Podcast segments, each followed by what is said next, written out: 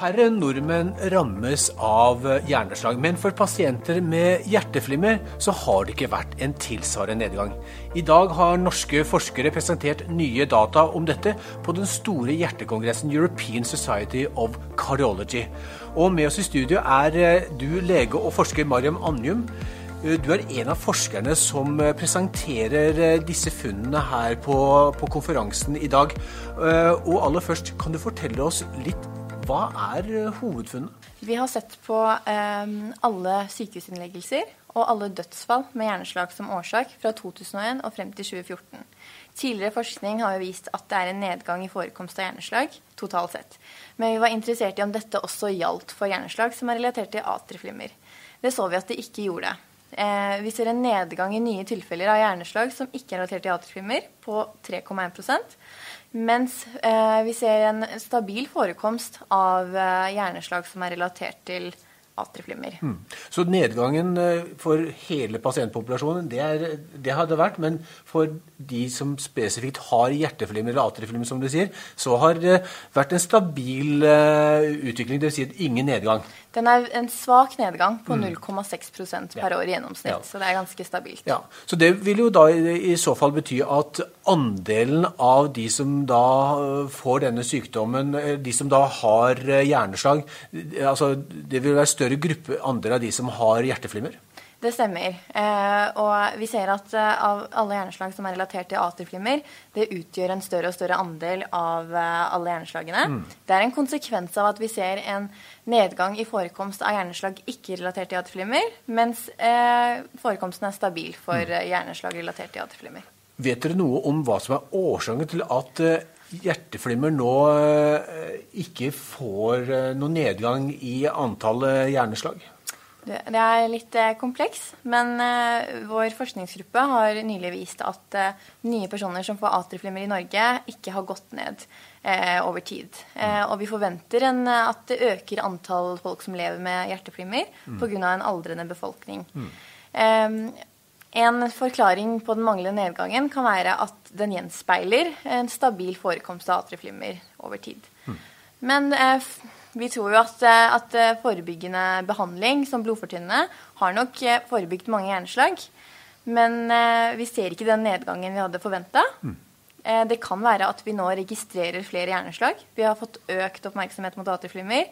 Vi screener folk som legges inn med hjerneslag for å se spesifikt etter atrieflimmer, om de har det. Og ja, Det kan også være at leger rett og slett har fått, en økt eh, bevissthet i atrieflimmer og mm. bruker diagnosekodene hyppigere mm. enn før. Ja, ikke sant? Så Det kan være mange årsaker. og, og er, er, er, en del av forskningen som dere skal gjøre nå videre, er det å finne ut hva er som er den, de store forklaringsvariablene for at uh, hjerteflimmerpasienter ikke får nedgang i uh, antall hjerneslag? Det er veldig vanskelig å forklare ut fra sånne registerstudier og gi en direkte årsaksforklaring, men vi ser på hvilke sykdommer og om det har noen relasjon til hvordan det endrer seg over tid. Så vi skal se på litt forskjellige mm. ting. Mm. Mm. Nå har det jo kommet, De siste årene har det kommet en rekke nye avanserte legemidler uh, som, som, hjelper for hjerteflimmerpasienter. Altså typiske NOAC-er, sånne blodfortynnere. Mm. Uh, du, du, var inne på, men virker, kan man si i disse store studiene at dette ikke, at ikke har hatt den effekten man, de viser til i de kliniske studiene, i effektstudiene sine? Nei, det stemmer, det stemmer ikke. Det har gitt en effekt, og vi mm. ser jo at det er ganske effektivt til å forebygge slag mm. med mer enn 60% så det, det, det stemmer at de er effektive. Men vi, det er jo et ganske kompleks hvorfor antall eh, nye tilfeller av slag ikke har gått ned. Det er, det er det er nok ikke bare de som bruker antikoagulasjon. Det er jo mm. veldig mange som ikke står på antikoagulasjon, som også får hjerneslag. Og dette skal vi se litt mer på. Ja. Mm. Hjerteflimmerpasienter det er jo en stor og, og, du var inne på det, en ganske voksende gruppe, som, som, for det henger jo sammen med utviklingen i at nordmenn blir jo stadig eldre. Ca. 100 000 har hjerteflimmer, men det er også en stor gruppe som er udiagnostisert. Mm.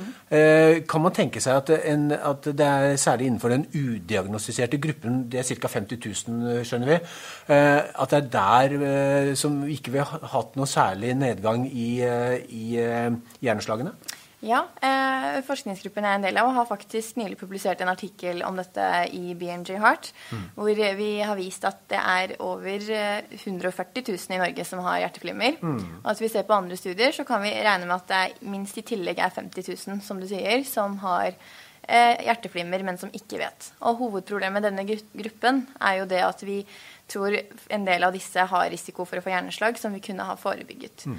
Så veldig mange mener jo at man burde gå aktivt eh, og lete etter atrieflimmer i disse gruppene med pasienter. Mm. Mm. Eh, men det gjør man altså ikke. Hva, hva, det, så da er det typisk en del pasienter som kommer Eller det vil si pasienter som har andre sykdommer, andre hjerte-kar-problematikk, som kommer til fastlegen sin.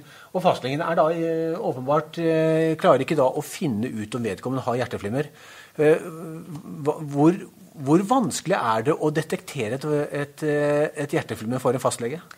Du, altså På det øyeblikket så er det ikke det alltid at man har en hjerteflimmer. ikke sant? Det kan være at hjerteflimmer kommer og går, sånn mm. som vi kaller det paroksysmal kan det være. Mm. Eller så kan det være permanent. ikke sant? Men eh, det, det, du kan bruke langtidsmonitorere, hjertemonitoreringsutstyr, og så kan man fange opp hjerteflimmer. Mm. Men problemet er nok flere at mange ikke går til fastlegen og ikke tror at de har hjerteflimmer fordi de ikke rett og slett har noen symptomer. Mm. Og da tenker man ikke på det. Hva, hva, skal eh, de som det er, det er typisk en sykdom som rammer over 60-70-årsalderen. Eh, menn mer enn kvinner. Eh, men hva, hva skal disse litt godt voksne hva, hva, skal de selv være oppmerksom på for å, for å selv å få en, en visshet om om de har hjerteflimmer eller ikke? Det viktigste er jo du, hvis du har symptomer på, på, noe som helst hjertebank eller noe uregelmessig hjerterytme, palpitasjoner som vi kaller det, mm. så kan det alltid være greit å, å, få det sjekket ut. Og har man noe hjertesykdom liggende i bånn, så det, skal det ikke så veldig mye til heller. At man kan få utvikle hjerteflimmer. Mm. Så da er det greit å ta en ekstra sjekk hvis man merker noen av de symptomene. Mm. mm. Helt til slutt, du skriver en doktorgrad innenfor dette temaet. Hva, hva, er det neste du nå vil gå i gang med etter at dere nå har eh, presentert eh, eh funn på, på, den store hjertekongressen? Mm. Eh, jeg er veldig interessert i å se om jeg kan si noe om eh, hvorvidt antikoagulasjon eller blodfortynnende hos hjerteflimmerpasienter om de er overbehandlet eller underbehandlet. Mm. Og spesielt interessert i disse som har lav risiko for hjerneslag, om de kan ha nytte av blodfortynnende behandling også. Mm. Så, så, da kan det være en, en, større gruppe som bør bruke disse NOAC-ene enn en det som da kanskje i dag, kan, være en kan jo være en konklusjon fra din forskning? Ja, det kan være, eller det kan være det andre. Ja, ikke sant, det andre. At vi overbehandler. Så det, det kan være begge deler. Eh, ja. Spennende. Når er det du vil være klar med, med, med disse resultatene? Eh, jeg håper eh, til neste år. Ja. Men da er det hardt arbeid som gjenstår? Det er det. eh, Mari Allum, eh, Alum, tusen hjertelig takk for at du ville være med oss, og gratulerer også med at eh, dere har fått lov til å presentere disse dataene på Hjertekongressen. Tusen takk. Takk for at jeg fikk komme.